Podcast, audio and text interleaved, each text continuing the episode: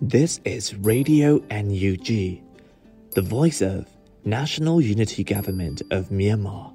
broadcasting for Myanmar Spring Revolution. Radio NUG is transmitting from shortwave 16 meter 17.71 megahertz at 8 a.m. and 25 meter 11.965 megahertz at 8 p.m. Myanmar Standard Time. မင်္ဂလာပါခင်ဗျာအမျိုးသားညီညွတ်ရေးအစိုးရရဲ့အတန်လွင့်ဌာန Radio NUG ကိုမနက်၈နာရီမှလိုင်းတို16မီတာ7.3 MHz ညပိုင်း၈နာရီမှလိုင်းတို25မီတာ17.665 MHz တို့မှာဓာတ်ရိုက်ဖမ်းယူနားဆင်နိုင်ပါပြီ။မင်္ဂလာအပေါင်းနဲ့ပြည့်စုံကြပါစေ။အခုချိန်ကစပြီး Radio NUG အစီအစဉ်တွေကိုဓာတ်ရိုက်အတန်လွှင့်ပေးနေပါပြီ။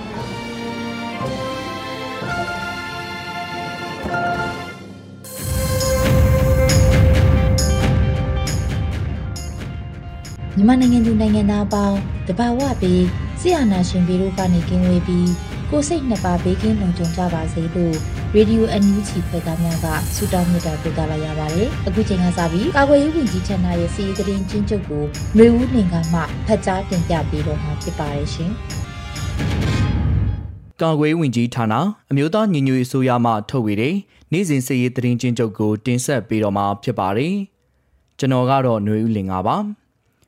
စစ်ကောင်စီနဲ့တိုက်ပွဲဖြစ်ပွားမှုသတင်းတွေကိုတင်ဆက်ပေးကြပါမယ်။ကယားပြည်နယ်မှာဒီဇင်ဘာလ25ရက်နေ့ကဒီမော့ဆိုမြို့နယ်မှာစစ်ကောင်စီတပ်နဲ့ KNDF တို့တိုက်ပွဲဖြစ်ပွားခဲ့ကြောင်းသိရှိရပါတယ်ခင်ဗျာ။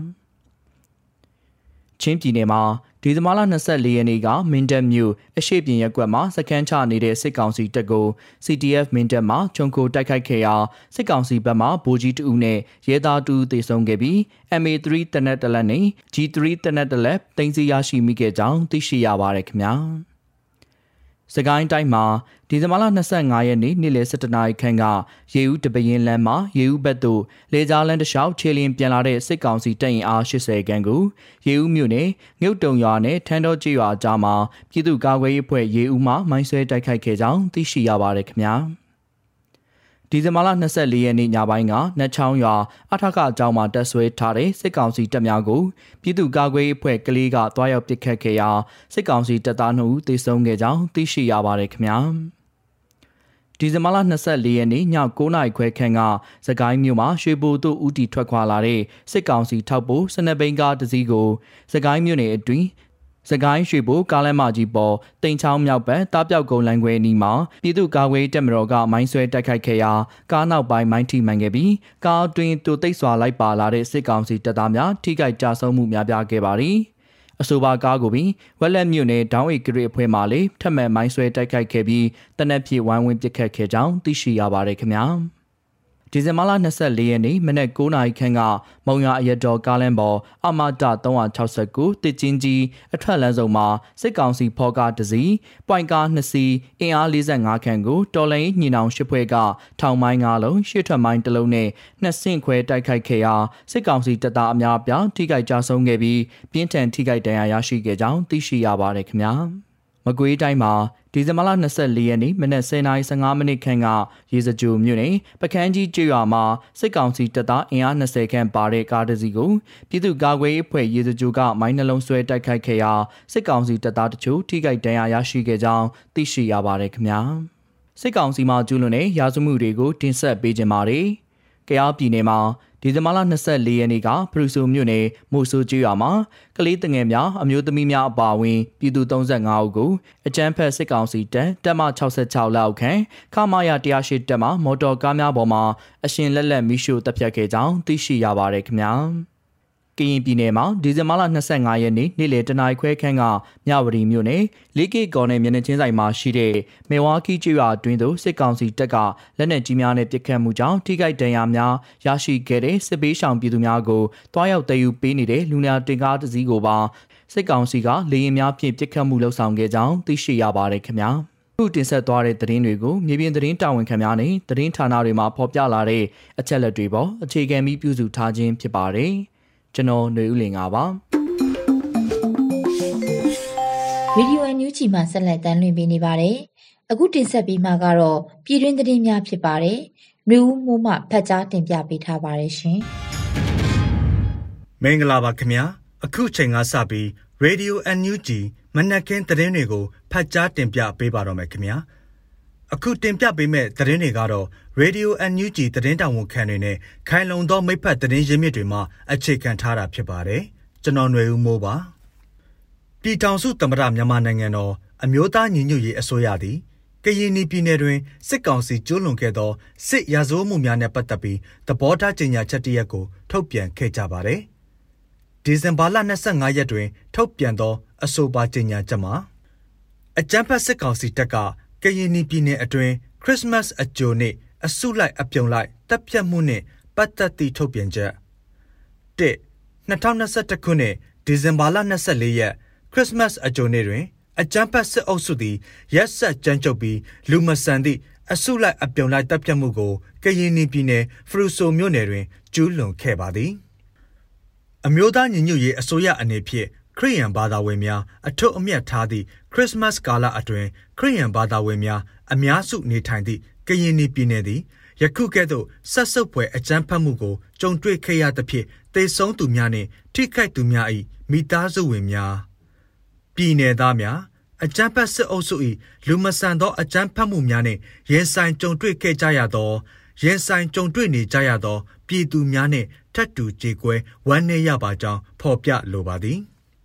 နှစ်2021ခုနှစ် ဒီဇင်ဘာလ24ရက်မနက်တွင်အကြမ်းဖက်စစ်အုပ်စုတပ်ဖွဲ့များကကရင်ပြည်နယ်ဖရူဆိုမြို့နယ်မိုဆိုကျေးရွာအနီးသို့နေမီရှင်းလင်းရေးပြုလုပ်လာခဲ့ပြီးလမ်းကုန်ပိတ်ကာဒေသခံရွာသူရွာသားများလမ်းသွားလမ်းလာများအပါအဝင် အပြစ်မဲ့ပြည်သူများကိုဖမ်းဆီးရိုက်နှက်ခြင်းပိုင်ဆိုင်မှုများကိုဖျက်ဆီးခြင်းတို့ပြုလုပ်ခဲ့ကြသည်။နေချားဆောက်တက်ရင်1334မှတပ်ဖွဲ့ဝင်၄ဦးက အပြစ်မဲ့ပြည်သူများကိုဖမ်းဆီးထားခြင်းအားပြန်လည်လွှတ်ပေးရန်တွားရောက်ညှိနှိုင်းခဲ့ရာ၎င်းတို့၄ဦးကိုဖမ်းဆီးကာကြိုးပစ်တုပ်၍ဦးကောင်းကို အနီးကပ်ပစ်ခတ်တပ်ဖြတ်ခဲ့ပါသည်။ကလေးသူငယ်အမျိုးသမီးနှင့်တက်ကြီးရွယ်အိုများအပါအဝင် အပြစ်မဲ့ပြည်သူ35-40ဦးခန့်ကိုလည်းကျိုးဖြစ်တုတ်ကာမိရှို့တပ်ဖြတ်ခဲ့ပြီးရင်ကြီးရင်ငယ်စက်တစည်းကိုလည်းတပါးတည်းမိရှို့ဖျက်ဆီးခဲ့သည်၃ ယခုဖြစ်စဉ်မတိုင်မီကလည်းအကြမ်းဖက်စစ်အုပ်စုသည်အယက်သားပြည်သူများအားဖမ်းဆီးတပ်ဖြတ်ခြင်း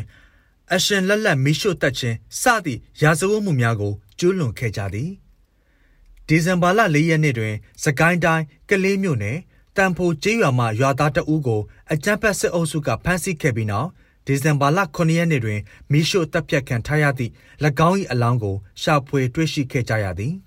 ဒီဇင်ဘာလ9ရက်နေ့စကိုင်းတိုင်းစားလင်းကြီးမြို့နယ်ဒုံတော်ရွာတွင် အသက်18နှစ်အောက်ကလေးသူငယ်9ဦးအပါအဝင် ရွာသား17ဦးကိုမီရှို့တပ်ဖြတ်ခဲ့သည်ဒီဇင်ဘာလ12ရက်နေ့စကိုင်းတိုင်းမြောင်မြို့နယ်ခေါင်းကွဲကျေးရွာတွင် မတန်ဆွမ်းသူတအူးအပါအဝင် ရွာသား9ဦးကိုမီးရှို့တပ်ဖြတ်ခဲ့သည်၄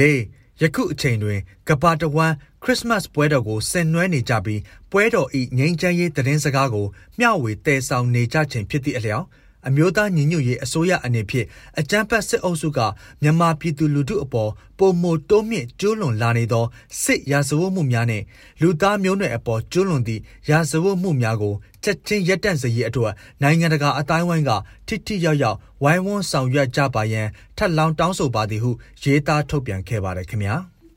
ဆက်လက်ပြီးဖဲခုံမြို့နယ်စစ်ဆောင်ကလေးများအတွက်စာတင်ပေးမိကျောင်းဆရာဆရာမလိုအပ်ဆိုတဲ့သတင်းကိုတင်ပြပေးပါမယ်။ ရှမ်းပြည်တောင်ပိုင်းဖဲခုံမြို့နယ်အတွင်းကစစ်ဆောင်ကလေးတွေကိုစာသင်ပေးမဲ့ကျောင်းဆရာဆရာမတွေလိုအပ်နေကြောင်းစုံစမ်းသိရှိရပါတယ်။ဖဲခုံမြို့နယ်တွင်စစ်ကောင်စီနှင့်ပြည်သူ့ကာကွယ်ရေးတပ်ဖွဲ့ PDF တို့တိုက်ပွဲကြောင့်ဒေသခံ900ကျော်ထွက်ပြေးတိမ်းရှောင်ကြရပြီးကလေးတွေအတွက်ပညာရေးလိုအပ်လာကြောင်းသိရပါတယ်။ကလေးတွေအတွက်ဆရာဆရာမတွေလိုအပ်နေပါတယ်။အခုတော့တက်နိုင်သလောက်ဆရာတွေနဲ့ကလေးတွေကိုစာသင်ပေးနေတာရှိတယ်။ ဆရာမတွေလုံလောက်မှုမရှိတော့စာကောင်းကောင်းမသင်ပေးနိုင်ဘူးလို့ဖဲခုံမြို့နယ်အတွင်းစစ်ဆောင်တွေကိုကူညီပေးနေတဲ့အမျိုးသားတဦးကပြောပါတယ်။စစ်ဆောင်နေတဲ့ကလေးတွေအတွက်အချိန်အလကားမဖြစ်စေဖို့နဲ့စာမတင်ရပါကကလေးငယ်တွေအနာဂတ်ပျောက်သွားနိုင်တာကြောင့်စာတင်ပေးဖို့အတွက်ဆရာဆရာမတွေကိုလိုအပ်နေကြောင်းသိရပါတယ်။ကလေးတွေစာမတင်ရရင် နောက်ကျရင်စာမတက်တာတွေဖြစ်တော့မယ်။ပြီးတော့သူတို့အနာဂတ်ပျောက်သွားနိုင်တယ် တချို့ဆိုလမ်းကြောင်းမှာပြီးမိုးရစ်စေဝါသွားသုံးမှာစိုးရင်ရတယ်လေဒဒါကြောင့်စာသင်ပေးဖို့ဆရာမတွေလိုအပ်နေတာလို့စစ်ရှောင်းတွေကိုကူညီပေးနေတဲ့သူကပြောပါတယ်။လက်ရှိဖဲခုံမြို့နယ်အတွင်းစစ်ရှောင်း900ကျော်ရှိပြီးကလေးသူငယ်300ကျော်ရှိနေကြောင်းအဲ့ဒီကလေးတွေကိုစာသင်ပေးနေသည့်ဆရာဆရာမဝန်ထမ်း6ဦးသာရှိနေတယ်လို့သိရပါတယ်။ဟုတ်ကဲ့ပါနောက်ထပ်သတင်းတစ်ပုဒ်ကိုတင်ပြပေးပါမယ်။ ငိမ့်ချမ်းရေးနယ်မြေတတ်မှတ်ထားတဲ့၄ကီကောမြို့တစ်ကို စစ်ကောင်စီက ၃ ကြိမ်မြောက်ဘုံကျဲလိုက်ပါတယ်။ဒီဇင်ဘာလ15ရက်နေ့ကစလို့ စစ်ကောင်စီဘက်က မြေပြင်မှာ အထိနာပြီးနောက် တိုက်လေရင်နဲ့ လာရောက်ဘုံကျဲပစ်ခတ်မှုတွေဟာ ဒီဇင်ဘာလ25ရက်နေ့ ခရစ်စမတ်အခါသမယမှာပဲ ဆက်လက် ဖြစ်ပေါ်ခဲ့ပါတယ်။မြဝတီမြို့ တောင်ပတ်ချမ်း လေးကီကောဒေတာအနီးဝန်းကျင်ကို ဒီဇင်ဘာလ25ရက် မွန်းလွဲတနာရီမှ စတင်ပြီး လေရင်ဖြစ် ထပ်မံပြစ်ခတ်မှုများပြုလုပ်ခဲ့ကြပါတယ်။လေးကီကောဒေတာတွင် လေကြောင်းပြန်တမ်းမှုကင်းမဲ့ဆောင်အဖြစ်သတ်မှတ်ပေးဖို့ကုလသမဂ္ဂအဖွဲ့အစည်းထံ KNU ကရင်အမျိုးသားအစည်းအရုံးဘက်ကတောင်းဆိုနေမှုတွေဟာအရာမထင်သေးပဲခုချိန်ထိဒုက္ခသည်အမြောက်အများပြောင်းရွှေ့ထွက်ပြေးရတဲ့အပြင်ယခုအချိန်လေကြောင်းပြစ်ခတ်မှုမှာတော့ထိခိုက်မှုတွေရှိခဲ့ပါတယ်။ KNU ဘက်ကနိုင်ငံတကာအဖွဲ့အစည်းအားလုံးနဲ့ကပ္ပကုလသမဂ္ဂအဖွဲ့ကြီးကို ဒီဇင်ဘာလ20ရက်နေ့က No Fly Zone စတင်တောင်းဆိုပြီးနောက်ဒါဟာဆိုရင်၃ရက်ဆက်တိုက်ဘုံကျဲခံရခြင်းလည်းဖြစ်ပါတယ်။ဒီကနေ့မိုးလဲတနာရီ25မိနစ်အချိန်လောက်မှလာပစ်တာပြည်သူတွေနေတဲ့နေရာကို OTP ပစ်တာကိုပြည်သူတွေထိမှန်တာပေါ့အဲ့ဒီဒေတာကတောက်လျှောက်ပဲပြစ်သွားတာလို့လေးကေကောဒေတာကန်တူကပြောပါတယ်ဒီဇင်ဘာလ25ရက်နနက်ခတဲ့ကအာနာသိမ့်တက်ဟာဖလူးကြီးကျေးရွာမေဝါကီကျွော်နဲ့ လေးကေကောရက်ကွက်6အနောက်ဘက်ကိုလက်နက်ကြီးများနဲ့အချက်ပေါင်း90ထပ်မံနဲ့ပြစ်ခတ်ခဲ့ပြီးမွန်လွဲတနာရီခန့်တွင်စစ်လေရင်ဖြစ်ထပ်မံပြစ်ခတ်ခြင်းဖြစ်ပါတယ်။ကရင်လူအခွင့်ရေးစောင့်ကြည့်ရေးအဖွဲ့ KHRG ရဲ့သတင်းထုတ်ပြန်ချက်မှာတော့လေကြောင်းတိုက်ခတ်မှုကြောင့်လူ20ဦးထပ်မံထိခိုက်ဒဏ်ရာရတာတွေရှိနေပြီးနေအိမ်အချို့လည်းထိခိုက်ပျက်စီးသွားခဲ့တယ်လို့ဆိုပါတယ်။လေးကေကောထီမေဝါကီ ဖလူကြီးကိုစစ်ကောင်စီလေရင်နှစ်စီးကတတိယအကြိမ်အဖြစ်လာရောက်ပစ်ခတ်တိုက်ခတ်ခဲ့ပြီးတေဆုံးထိခိုက်ဒဏ်ရာရတာတွေလည်းရှိနေတယ်လို့ KHRG ကပြောခွင့်ရသူစောနန္ဒစုကပြောပါတယ်။ဒီနေ့လေရင်နှစ်စီးလာပစ်တာထိခိုက်မှုတွေရှိခဲ့တယ်အိမ်တွေဘာတွေလဲထိခိုက်မှုရှိတာပေါ့နော်လောလောဆယ်အိမ်ဘယ်နှလုံးလဲဆိုတာတော့အတိအကျမသိရသေးဘူးအတိကလေးကစ်ကောကိုပဲပြစ်မှတ်ထားတာဖြစ်ပေမဲ့လေးကစ်ကောအောက်ရွာဖြစ်တဲ့ထီးမယ်ဝါခီဖလူဂျီ အဲ့ဒီမှာအဓိကထိမှန်ခဲ့တယ်လို့စောနန္ဒစုကပြောပါတယ်ထိုကဲ့သို့စစ်ကောင်စီတပ်ကလေကြောင်းပစ်ခတ်မှုတွေပြုလုပ်တဲ့အပြင်မြေပြင်မှာလည်းအင်အားအမြောက်အများဖြင့်ထိုးစစ်ဆင်လာကြောင်းသိရှိရပါတယ်ဒီဇင်ဘာလ25ရက်နေ့ခရစ်မတ်နေ့တွင်ကရင်ပြည်နယ်မှာစစ်ကောင်စီတပ်များမြေပြင်ဝေဟင်ထိုးစစ်ဆင်နေသလို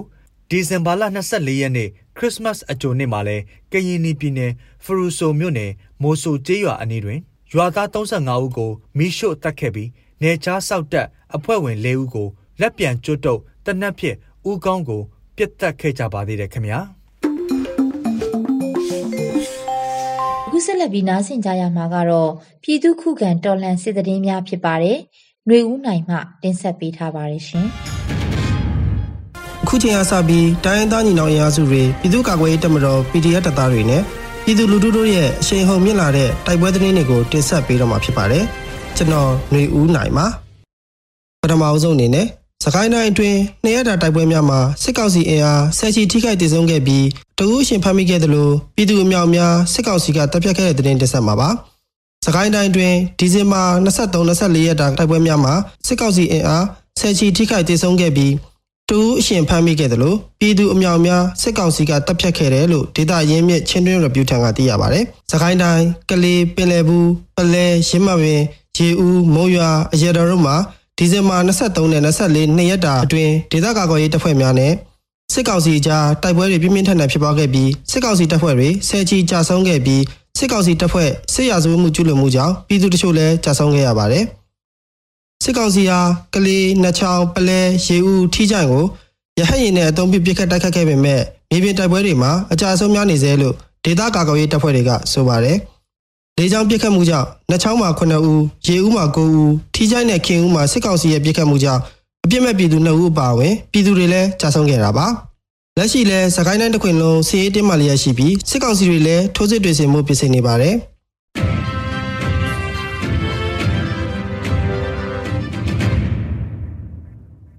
ဆက်လက်ပြီးရန်ကုန်မော်ဘီခမရ61ဂိတ်လက်ပြမုံနဲ့ထုခံရပြီးစစ်သား2ဦးတေဆုံးပြီး စံကြောင်တရားရုံးနဲ့ရှမ်းလန်းစည်းစီပင်ရုံးကိုတပြိုင်နက်တည်းဘုံခွဲခဲ့တဲ့တဲ့တင်ကိုတင်ဆက်ပေးမှာပါ။ရန်ကုန်တိုင်းမော်ဘီမြို့ရှိချင်းမြတ်တန်ရင်ခမရ61ဂိတ်ကိုယနေ့နက်နက်ပိုင်း8:45မိနစ်တွင်လက်ပြမုံနဲ့ပြစ်ခတ်တိုက်ခိုက်မှုဖြစ်ပွားပြီးစစ်သား2ဦးတေဆုံးကြောင်းဒေသခံများထံမှသိရှိရပါတယ်။မော်ဘီတက်မ61ချင်းမြတ်တန်ရင်ဂိတ်1အားမနက်8:45မိနစ်တွင် YLF ကလက်ပြမုံဖြင့်တွားရောက်တိုက်ခိုက်ခဲ့ကြောင်း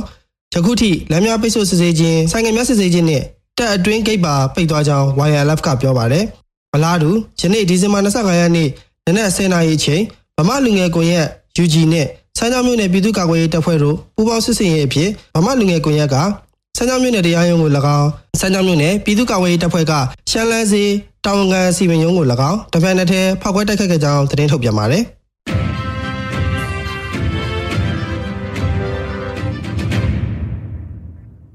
ဆက်လက်ပြီး လက်လက်ကြီးကြီးတလုံးထိုင်းနိုင်ငံမှာချမ်းဗလချမ်းချွေရတဲ့ကနေတလုံးပေါ်ကြားရောက်ခဲ့တဲ့သတင်းကိုဆက်လက်တင်ဆက်ပေးပါမယ်။မြောက်ရီတောင်ဘက်သဘောတို့တက်စကန်ကုန်းကနေဒီနေ့ဒီဇင်ဘာ25ရက်နေ့9:40မိနစ်လောက်က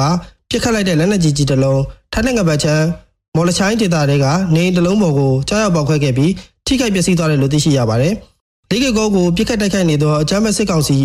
တပ်ရဲ့လေရင်တွေဟာလည်းထိုင်းနိုင်ငံလေကြောင်းနယ်နိမိတ်အထိရောက်ရှိပြန်နေပြီး ထိုင်းစစ်တပ်ကလည်းနေဆက်ကိုအင်အားတိုးချဲ့ဆင်လွှတ်နေတဲ့လူမှုကွန်ရက်စာရွက်တွေမှာပြန့်နှံ့နေတာဖြစ်ပါတယ်။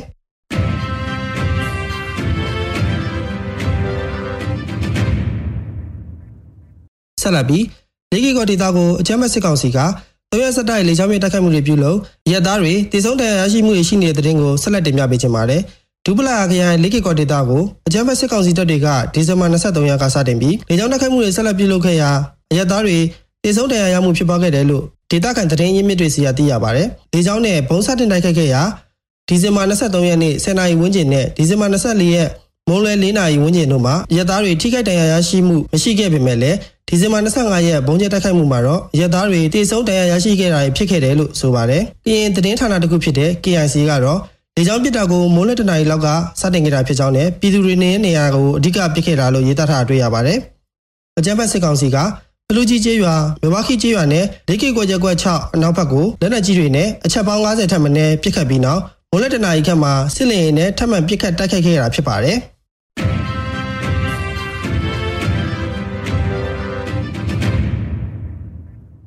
နောက်ဆုံးအနေနဲ့မြို့သားညီညွတ်ရေးအစိုးရပြည်ထောင်ရေးနဲ့လူမှုကြီးကြပ်ရေးဝန်ကြီးဌာနကဒီဇင်ဘာ25ရက်နေ့နဲ့ထုတ်ပြန်ခဲ့တဲ့ပြည်သူ့ခုခံတော်လှန်စစ်တရင်ချက်လက်တွေကိုတင်ဆက်ပေးမှာဖြစ်ပါတယ်။အာဏာသိမ်းအကြမ်းဖက်စစ်ကောင်စီ၏ ပြည်သူလူထုအပေါ်အကြမ်းဖက်ဖိနှိပ်ဖမ်းဆီးတိုက်ခိုက်တပ်ဖြတ်နေမှုများကိုပြည်သူလူထုတရက်လုံးကအသက်ရှင်နိုင်ရေးအတွက်မိမိကိုယ်ကိုမိမိခုခံကာကွယ်ပိုင်ခွင့်အရာ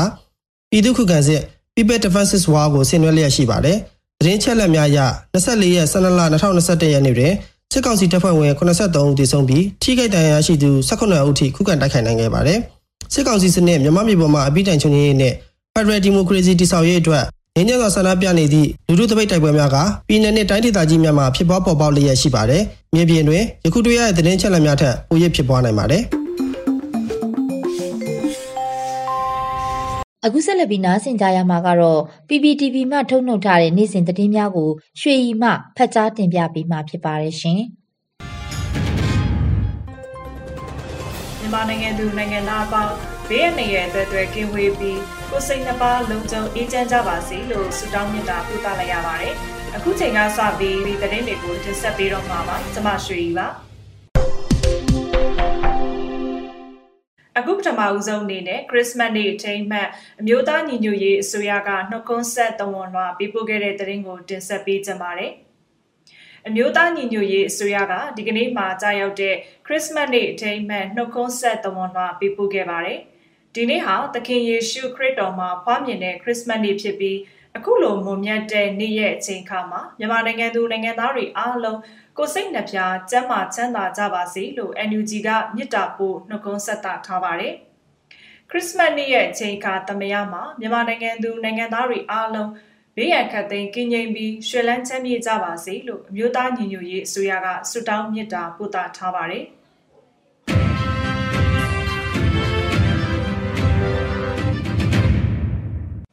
ကရင်ပြည်နယ်ဖရူဆိုမြို့နယ်အနောက်ဘက်ချမ်းလမ်းမပေါ်မှာအကြမ်းဖက်စစ်ကောင်စီတပ်တွေက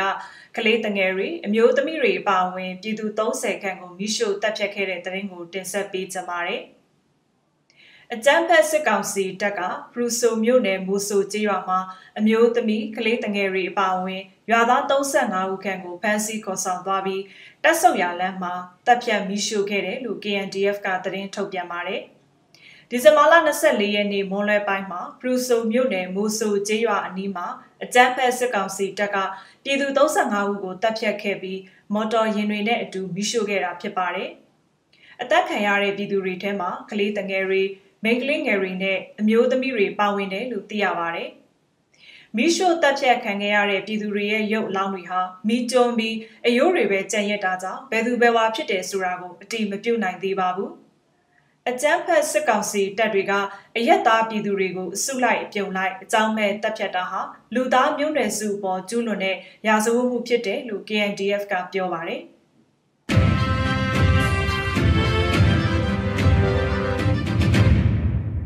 အာနာသိန်းစစ်ကောင်စီက KNI ပြည်သူလူထုတွေကိုအစုလိုက်အပြုံလိုက်တပ်ဖြတ်မှုပေါ်ရှုံချကန့်ကွက်တာနဲ့အရေးပေါ်သဘောထားထုတ်ပြန်ချက်တရက်ကို KSCC ကထုတ်ပြန်ခဲ့တဲ့သတင်းကိုဆက်လက်တင်ဆက်ပေးကြပါမယ်။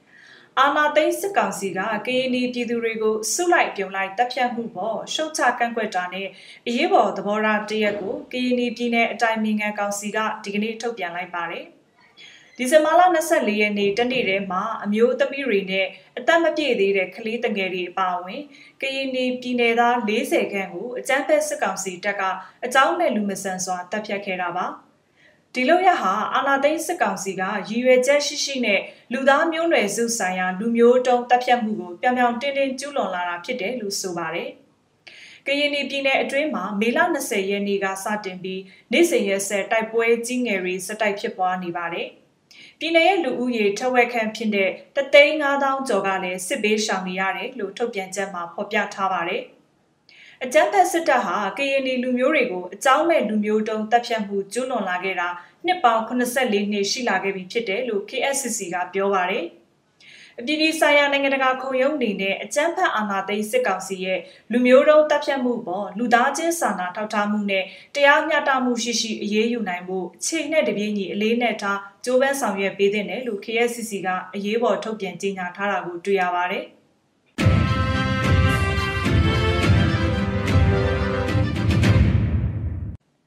မြန်မာပြည်သူတွေနဲ့အတူဆက်လက်ရပ်တည်ပြီးစစ်တပ်တာဝန်ရှိသူတွေကိုအရေးယူနိုင်ဖို့လှုံ့ဆော်သွားမယ်လို့ဗြိတိရှားတမတ်ကြီးကခရစ်မတ်ကာလဆုတောင်းစကားပြောကြားလိုက်တဲ့သတင်းကိုဆက်လက်တင်ဆက်ပေးကြပါမယ်။ဗြိတိန်အစိုးရအနေနဲ့အဖိနှိတ်ခံမြန်မာပြည်သူတွေနဲ့အတူဆက်လက်ရပ်တည်မှာဖြစ်ပြီးစစ်တပ်ရဲ့ကျူးလွန်မှုတွေအတွက်တာဝန်ရှိသူတွေကိုအရေးယူဆောင်ရွက်နိုင်ဖို့ဆက်လက်လှုံ့ဆော်သွားမယ်လို့ဗြိတိန်တန်ယုံကထုတ်ပြန်လိုက်ပါတယ်။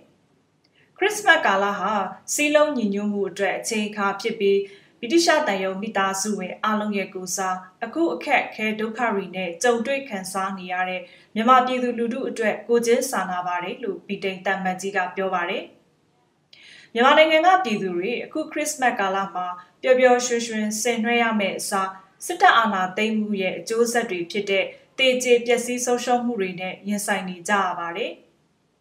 အခုလိုချိန်ခါတမယမှာစစ်တပ်ရဲ့အကြမ်းဖက်မှုတွေနဲ့ခွဲခြားဆက်ဆံမှုတွေခံစားနေရတဲ့ခရိယန်ဘာသာဝင်တွေနဲ့ဘာသာပေါင်းစုံမြန်မာပြည်သူတွေနဲ့အတူတသားတည်းရှိနေပါတယ်လို့ဗီတိန်တမန်ကြီးကပြောပါတယ်။ဘာသာရေးအဆောက်အုံတွေကိုမိရှို့ဖျက်ဆီးတာနဲ့အသင်းတော်ခေါင်းဆောင်တွေပေါ်ပြစ်မှတ်ထားအကြမ်းဖက်နေတာတွေကဘာသာရေးယုံကြည်ချက်အခြေခံလူ့အခွင့်အရေးကိုပြောင်ပြောင်တင်းတင်းချိုးဖောက်လိုက်တာပဲလို့ပြောပါတယ်။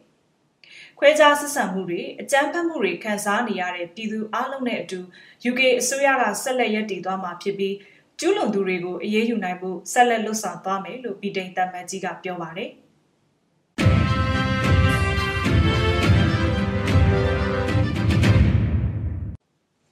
မြန်မာနိုင်ငံအတွင်းမှာမိမိအိုးအိမ်ကိုစွန့်ခွာပြီးစစ်ဘေးရှောင်နေရတဲ့တိုင်းရင်းသားပြည်သူတွေအားလုံးဆရာနာရှင်ဘေးကနေအမြန်ဆုံးလွတ်မြောက်ပါစေလို့ခရစ်မတ်ဆုမွန်တောင်းလိုက်ရပါတယ်။ကျေးဇူးတင်ပါတယ်ရှင်။အမျိုးသားညီညွတ်ရေးဆိုရကာကွယ်ရေးဝန်ကြီးဌာနဝန်ကြီးဦးရီမွန်ရဲ့ပြည်သူများအတွက်အကြံပြုတိုက်တွန်းချက်တရက်ကိုလွတ်လပ်နေဦးကဖတ်ကြားပေးပါမယ်ရှင်။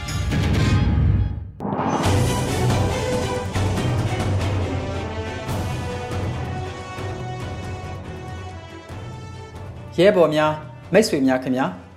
NUG MOD ဟာပြည်သူ့ခုခံတွန်းလှန်စစ်ကိုအစီအစဉ်ရှိရှိဆင်နွှဲနေတယ်ဆိုတာအသိပေးလိုပါတယ်အထူးသဖြင့်မဟာမိတ်များနဲ့ညှိနှိုင်းရေးဆွဲထားတဲ့မဟာဗျူဟာအစီအစဉ်ကိုစနစ်တကျအဆင့်လိုက်အကောင့်ထဲပေါ်နေတာဖြစ်ပါတယ်ဒီနေရာမှာ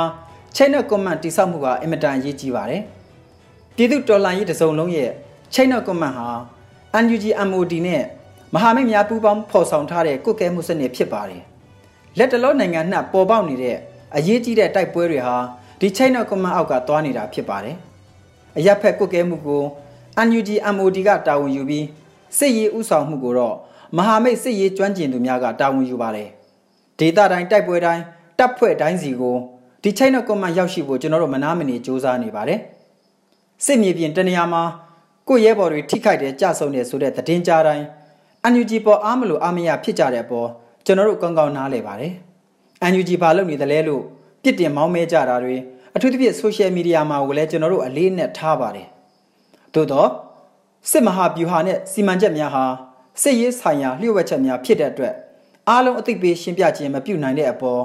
နားလည်ပေးဖို့ပန်ကြားပါတယ်ကိုယ့်ရဲ့လူအင်အားရန်ပုံငွေအင်အားလက်နက်အင်အားဒီပင်လျှို့ဝှက်အပ်တဲ့အရာဖြစ်ပါတယ်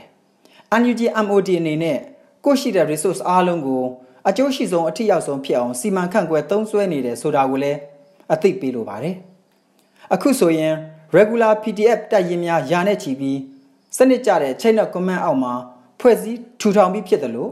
လက်နဲ့တက်ဆင်မှုကိုလည်းတနိုင်ငံလုံးအတိုင်းအတာနဲ့မျှမျှတတဖြစ်အောင်စီမံဆောင်ရွက်နေပါတယ်။တစ်ချိန်တည်းမှာပဲစစ်မဟာဗျူဟာအရစစ်ရေးစီမံချက်အရဦးစားပေးတက်ဆင်ရတဲ့ဒေသတွေရှိတယ်ဆိုတာလည်းအစီရင်ခံလိုပါတယ်။စစ်တိုက်တဲ့အခါ လက်နဲ့ဟာမရှိမဖြစ်လိုအပ်ပေမဲ့လက်နဲ့ရှိတိုင်းစစ်တိုက်လို့ရတာတော့မဟုတ်ပါဘူး။အမိတ်ပေးကုတ်ကဲမှုစနစ်ချိန်တော့ကွန်မန်တိဆောက်မှုမဟာမိတ်တွေရဲ့နားလည်ယုံကြည်မှုနဲ့ပူးပေါင်းဆောင်ရွက်မှုထောက်ပို့နဲ့ဆက်သွယ်ရန်တရားတိဆောက်မှုဗျူဟာမြောက်ဟန်ချက်ညီဆောင်ရွက်နိုင်မှုတွေဟာအလွန်ရေးကြီးပါတယ်။အခုဆိုရင် PDF တပ်ဖွဲ့ဝင်တွေမဟာမိတ်ရဲဘော်တွေနဲ့လက်တွဲပြီးစစ်မြေပြင်မှာလက်တွေ့တိုက်ပွဲဝင်နေကြပြီဖြစ်တယ်လို့တိုက်ပွဲဝင်မှုအဆင်သင့်ဖြစ်နေတဲ့ PDF တပ်ရင်းတပ်ဖွဲ့တွေလည်း အမြောက်အများရှိနေပါပြီ။တစ်ဖက်မှာတမိုင်းတလျှောက်မကြုံဘူးတဲ့ပြည်သူထောက်ကံပါဝင်မှုတော်လိုင်းအင်အားစုများကြားမကြုံဘူးတဲ့အမျိုးသားစုစည်းညီညွတ်မှုကိုတိဆောက်ထားနိုင်တဲ့အခြေအနေမှာဒီတော်လိုင်းရေးမုတ်ချအောင်မယ်လို့ကျွန်တော်တို့ယုံကြည်ပါတယ်။ UNG အနေနဲ့လည်းရိုးဖြောက်သောစိတ်နှလုံးနဲ့ကိုစွမ်းညံစွမ်းရှိသမျှမခုမကအလုတ်လုတ်နေတယ်ဆိုတာကိုလည်းအသိပေးလိုပါတယ်။စစ်ကောင်စီရဲ့အကြမ်းဖက်နှိပ်စက်မှုကိုအပြင်းထန်ခံရတဲ့ပြည်သူတွေစစ်မြေပြင်မှာအသက်ဆွတိုက်ပွဲဝင်နေတဲ့ တော်လန်ရေးရဲဘော်တွေအတက်စေမဲ့စကားတော်လန်စစ်အတွက်အကျိုးရှိစေမဲ့စကားများကိုများများဆိုစီလိုပါတယ်။ UNG PDF နဲ့မဟာမိတ်တွေကိုအချိန်တစ်ခုပေးပါမိတ်ဆွေတို့မျှော်လင့်တဲ့ရလများကိုသူတို့ရယူပေးပါလိမ့်မယ်။ဆီယနာရှင်စနစ်သက်ဆိုးရှည်ခွင့်မရစေဘူးဆိုတာကိုလည်းဂတိပြုပါတယ်။ရဲဘော်များမိတ်ဆွေများရဲ့လေးနက်သောအကြံပြုတိုက်တွန်းချက်များပေါ်မှာလည်းနာခံဆောင်ရွက်သွားဖို့အသင့်ရှိကြောင်းပါ။ရီမော် ဒီဇင်ဘာ25ရက်2021ခုနှစ်